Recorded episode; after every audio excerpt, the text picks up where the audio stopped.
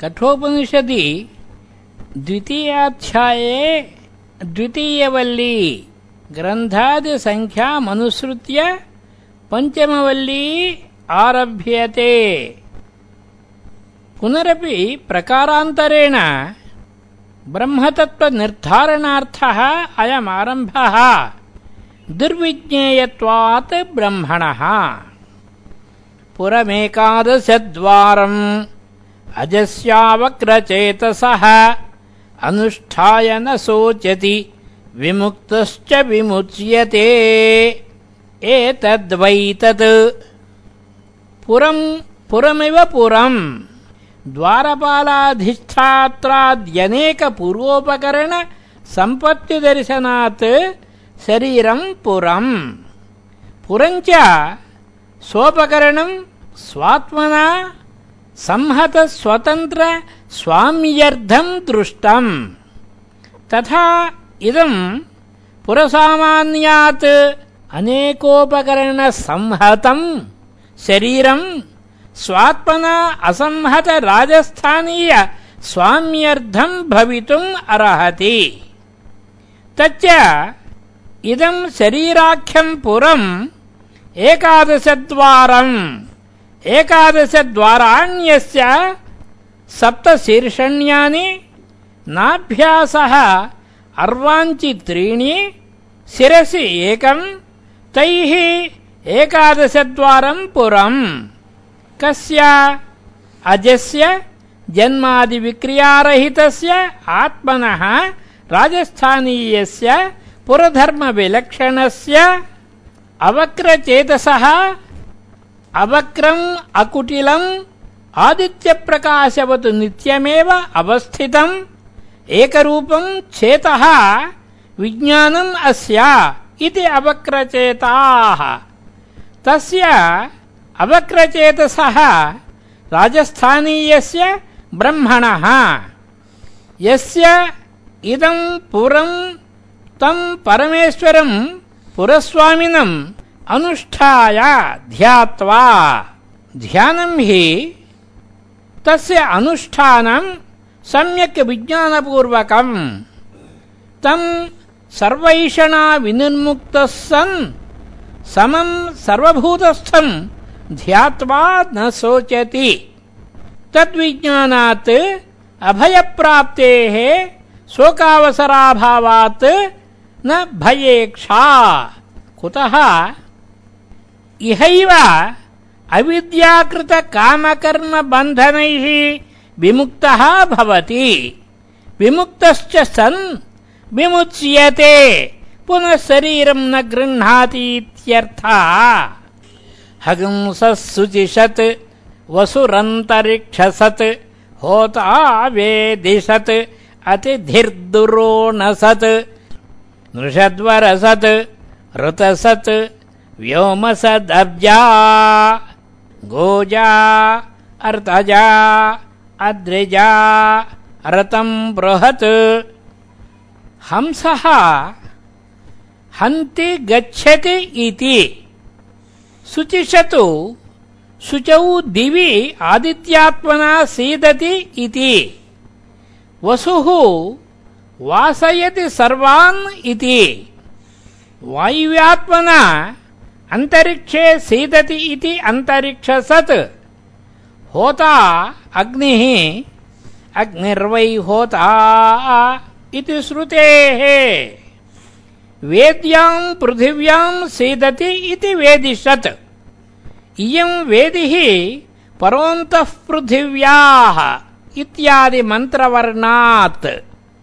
अतिथिः सोमः सन् दुरोणे कलसे सीदतीति दुरोणसत्। ब्राह्मणः अतिथिरूपेण वा दुरोणेषु गृहेषु सीदतीति। नृषत्। नृषु मनुष्येषु सीदतीति। नृषत्। वरेषु देवेषु सीदतीति। वरसत्। ऋतसत्। ऋतम् सत्यम्। यज्ञो वा तस्मिन् सीदतीति। व्योमसत्। व्योम्नि आकाशे सीदतीति व्योमसत्। अब्जा अप्सु शङ्ख सुक्ति मकरादिरूपेण जायते इति। गोजा गवि पृथिव्यां व्रीहि यवादिरूपेण जायते इति। ऋतजा यज्ञाङ्गरूपेण जायते इति। अद्रिजा पर्वतेभ्यः नद्यादिरूपेण जायते इति। सर्वात्मापि सन् ऋतम् अवितध स्वभावः एव। बृहत्, महान्, सर्वकारणत्वात्। यदापि आदित्य एव मन्त्रेण उच्यते, तदापि अस्य आत्मस्वरूपत्वम् आदित्यस्य अङ्गीकृतम् इति ब्राह्मणव्याख्यानेऽपि अविरोधः। सर्वव्यापी एक एव आत्मा जगतः न आत्मभेदः इति मन्त्रार्थः। आत्मनः स्वरूपाधिगमे लिङ्गम् उच्यते। ऊर्ध्वम् प्राणमुन्नयति अपानम् प्रत्यगस्यति। मध्ये वामनमासीदम् विश्वे देवा उपासते। ऊर्ध्वम् हृदयात् प्राणम् प्राणवृत्तिम् वायुम् उन्नयति ऊर्ध्वम् गमयति। तथा अपानम् प्रत्यक् अथः अस्यति क्षिपति। यः इति वाक्यशेषः। तम् मध्ये हृदयपुण्डरीकाकाशे आसीनम् बुद्धौ अभिव्यक्तविज्ञानप्रकाशनम् वामनम् सम्भजनीयम् विश्वे सर्वे देवाः, चक्षुरादयः, प्राणाः रूपादिविज्ञानम् बलिमुपाहरन्तः, विष इव राजानम् उपासते। तादर्थ्येन अनुपरतव्यापाराः भवन्तीत्यर्थः यदर्थाः यत्प्रयुक्ताश्च सर्वे वायुकरणव्यापाराः सः अन्यः सिद्ध इति वाक्यार्थः। किञ्च अस्य विस्रंसमानस्य शरीरस्थस्य देहिनः देहाद्विभुज्यमानस्य किमत्र परिशिष्यते? एतद् वै तत् अस्य शरीरस्थस्य आत्मनः विस्रंसमानस्य अवस्रंसमानस्य भ्रंशमानस्य देहिनः, देहवतः। विस्रंसनशब्दार्थम् आह। देहात् विभुत्यमानस्य इति। किमत्र परिशिष्यते? प्राणादिकलापे न किंचन परिशिष्यते। अत्र देहे पुरस्वामिनि विद्रवमाने इव पुरवासि जनः यस्य आत्मनः अपगमे क्षणमात्रात् कार्यकरणकलापरूपम् सर्वमिदम् हतबलम् विध्वस्तम् भवति विनष्टम् भवति। सः अन्यः सिद्धः। स्यान्मतम् प्राणापानाद्यपगमादेव इदम् विध्वस्तम् भवति। न तु तद्व्यतिरिक्तात्मापगमात् प्राणादिभिरेव इह मर्त्यः जीवति इति। नैतदस्ति। न प्राणेन नापादेन मर्त्यो जीवति कश्चन। इतरेण तु जीवन्ति यस्मिन्नेतावुपाश्रितौ न प्राणेन न अपानेन चक्षुरादिना वा मर्त्यः मनुष्यः। देहवान् कश्चन जीवति, न कोऽपि जीवति। न हि येषाम् परार्थानाम् संहत्यकारित्वात् जीवनहेतुत्वम् उपपद्यते। स्वार्थेन, असंहतेन, परेण केनचित् अप्रयुक्तम्, संहतानाम् अवस्थानम् न दृष्टम्।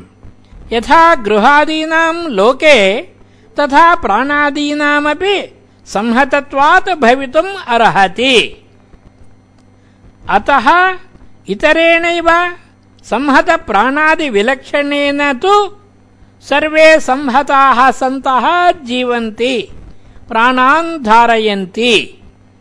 यस्मिन् संहतविलक्षणे आत्मनि सति परस्मिन् एतौ प्राणापानौ चक्षुरादिभिः संहतौ उपाश्रितौ।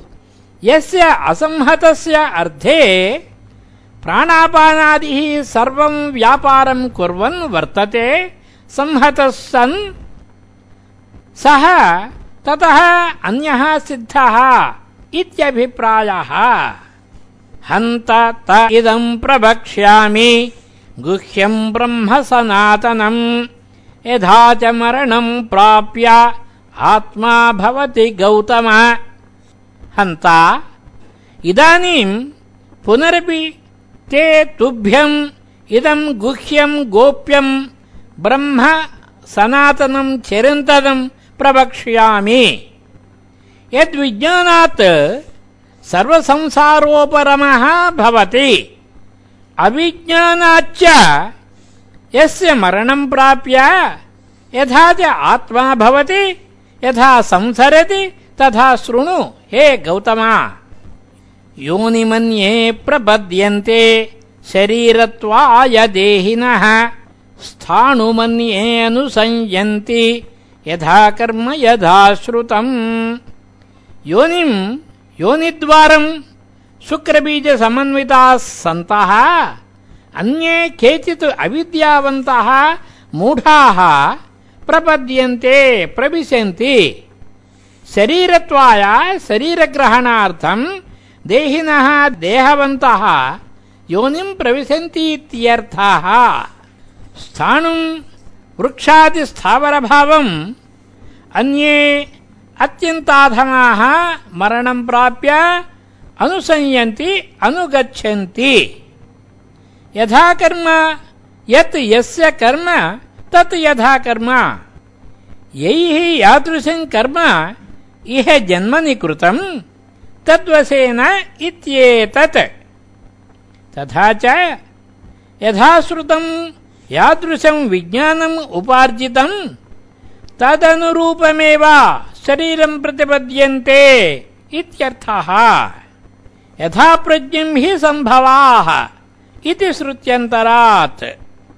यत् प्रतिज्ञातम् गुह्यम् ब्रह्म तत्प्रवक्ष्यामीति तत् आह। य एष सुप्तेषु जागर्ति कामम् कामम् पुरुषो निर्मीमाणः। तदेव शुक्रम् तद्ब्रह्म तदेवामृतमुच्यते। तस्मिन् लोकाश्रिताः सर्वे तदुनात्येति कश्चन। एतद् वै तत् यः एषः सुप्तेषु प्राणादिषु जागर्ति न स्वपिति कथम्? कामम् कामम् तम् तम् अभिप्रेतम्। स्त्रियाद्यर्थम् अविद्यया निर्विमाणः निष्पादयन् जागर्ति पुरुषः यः। तदेव शुक्रम् शुभ्रम् शुद्धम् तत् ब्रह्म। न अन्यत् गुह्यम् ब्रह्मास्ति। तदेव अमृतम् अविनाशि उच्यते सर्वशास्त्रेषु। किञ्च पृथिव्यादयो लोकाः तस्मिन्नेव सर्वे ब्रह्मणि आश्रिताः सर्वलोककारणत्वात् तस्य तदु नात्येति कश्चन इत्यादि पूर्ववदेव अनेक तार्किक कुबुद्धि विचालितान्तःकरणानाम् प्रमाणोपपन्नमपि आत्मैकत्व विज्ञानम् असकृत उच्यमानमपि अनृजुबुद्धीनाम् ब्राह्मणानाम् चेतसि न आधीयते इति तत्प्रतिपादने आदरवती पुनः पुनः आह श्रुतिः। अग्निर्यथैको भुवनम् प्रविष्टो रूपम् रूपम् प्रतिरूपो बभूव। एकस्तथा सर्वभूतान्तरात्मा रूपम् रूपम् प्रतिरूपो बहिश्च। अग्निः यथा एक एव प्रकाशात्मा सन् भुवनम् भवन्ति अस्मिन् भूतानि इति भुवनम्। अयम् लोकः। तमिमम् प्रविष्टः, अनुप्रविष्टः। रूपम् रूपम् प्रति दार्वादिदाह्यभेदम् प्रतीत्यर्थः। प्रतिरूपः, तत्र तत्र प्रतिरूपवान् दाह्यभेदेन बहुविधो बभूव।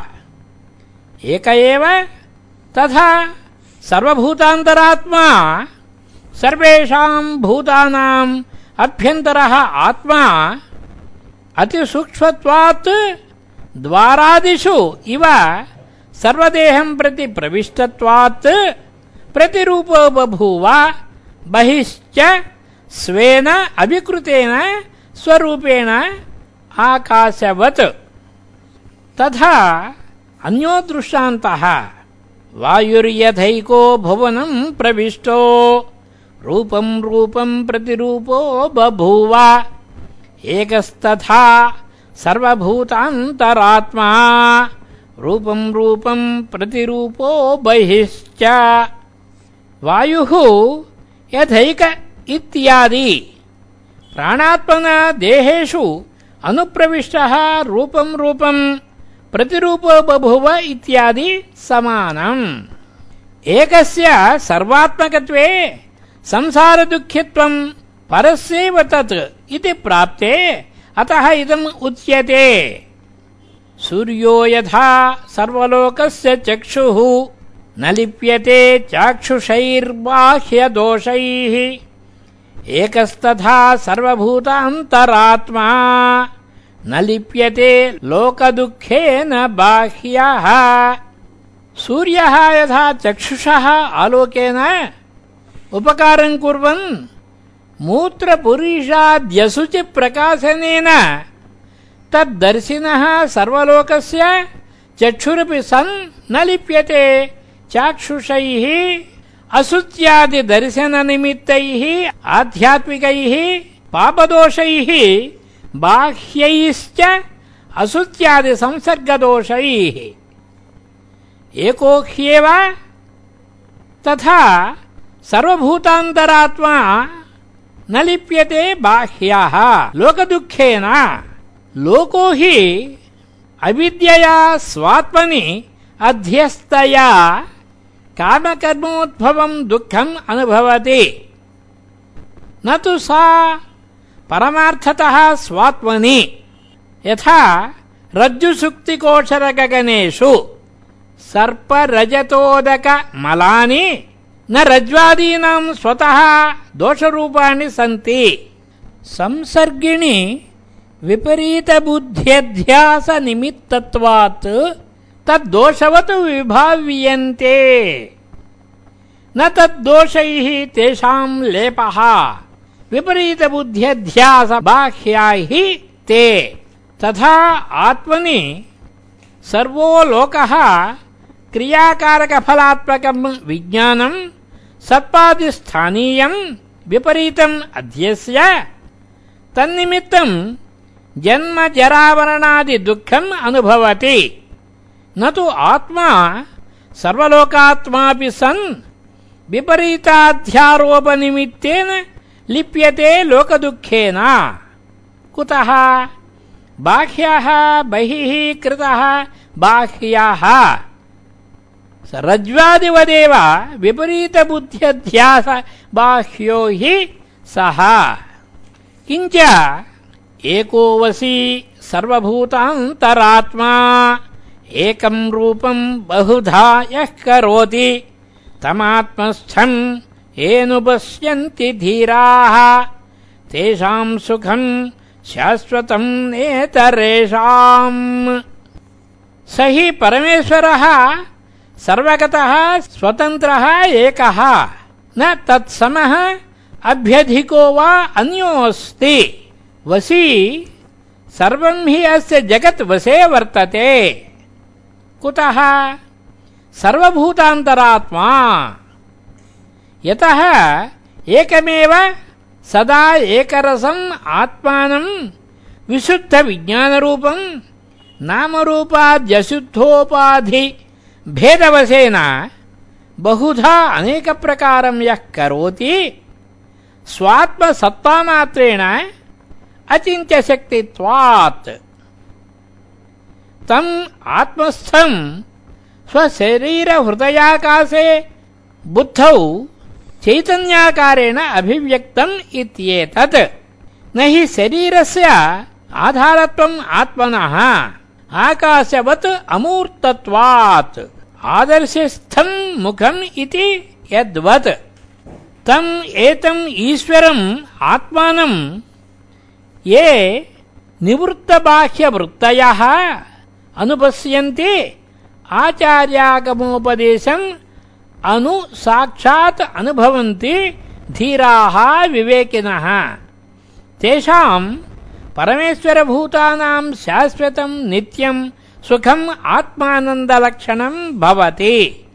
न इतरेषाम् बाह्यासक्तबुद्धीनाम् अविवेकिनाम् स्वात्मभूतमपि अविद्याव्यवधानात्।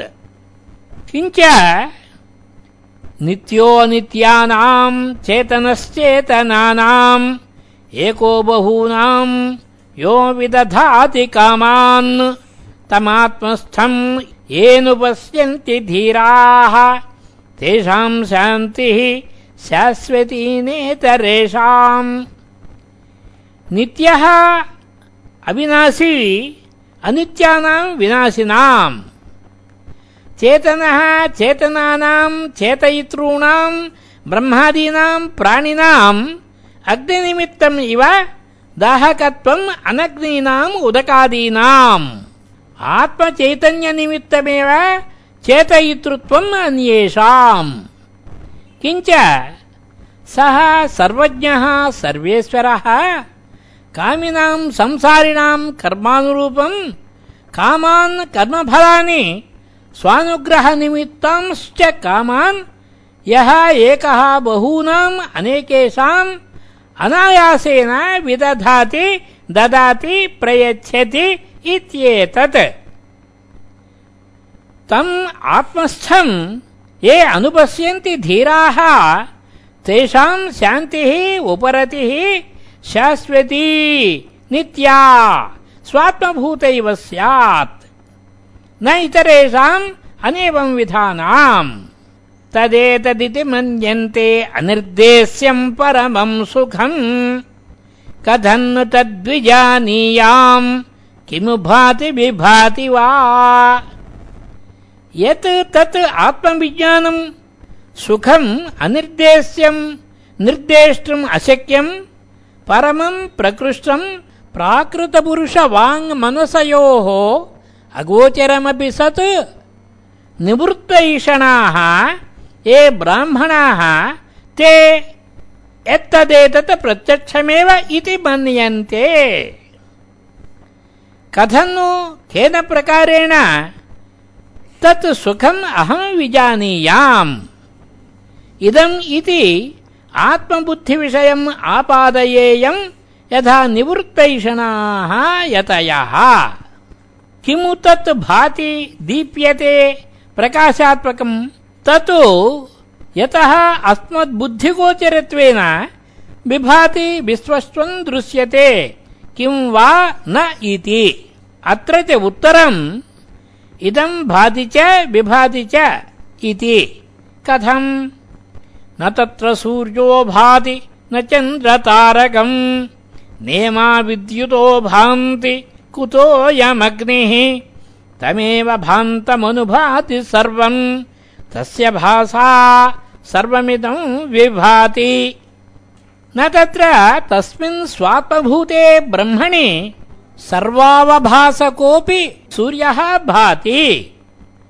तद्ब्रह्म न प्रकाशयति इत्यर्थः। तथा न चन्द्रतारकम्। न इमाः विद्युतः भान्ति कुतः अयम् अस्मद्दृष्टिगोचरः अग्निः? किम् बहुना? यत् इदम् आदित्यादिकम् सर्वम् भाति तत् तमेव परमेश्वरम् भान्तम् दीप्यमानम् अनुभाति अनुदीप्यते। यथा ज्वालोल्मुखादि अग्निसंयोगात् अग्निम् दहन्तम् अनुदहति न स्वतः तद्वत् तस्यैव भासा दीप्त्या सर्वम् इदम् सूर्यादि विभाति। यतः एवम् तदेव ब्रह्म भाति च विभाति च। कार्यगतेन विविधेन भासा, तस्य ब्रह्मणः भारूपत्वम् स्वतः अवगम्यते। न हि स्वतः अविद्यमानम् भासनम् अन्यस्य कर्तुम् शक्यम्।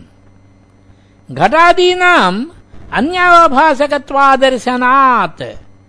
भासनरूपाणाम् आदित्यादीनाम् तद्दर्शनात्। इति श्रीमत्परमहंस परिव्राजकाचार्य गोविन्द भगवत्पूज्यपाद शिष्य श्रीमदाचार्य श्रीशङ्करभगवतः कृतौ कठोपनिषत् भाष्ये द्वितीयाध्याये द्वितीयम्। ग्रन्थादिसङ्ख्यामनुसृत्य पञ्चमवल्ली भाष्यम् समाप्तम्।